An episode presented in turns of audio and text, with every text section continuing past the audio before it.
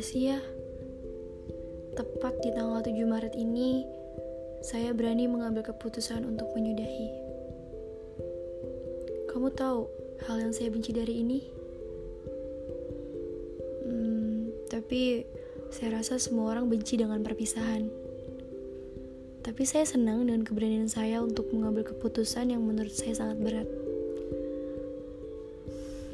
Kamu tahu saya benci terlalu sayang saya benci terlalu bahagia. Saya benci untuk egois pada rasa sayang saya. Karena saya tahu perasaan bahagia apa pun yang berlebihan itu akan jadi sakit yang berlebih juga.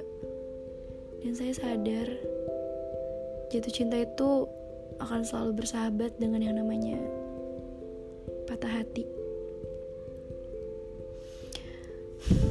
Jadi, saat kita siap jatuh cinta, kita juga harus siap patah bahkan untuk berkali-kali.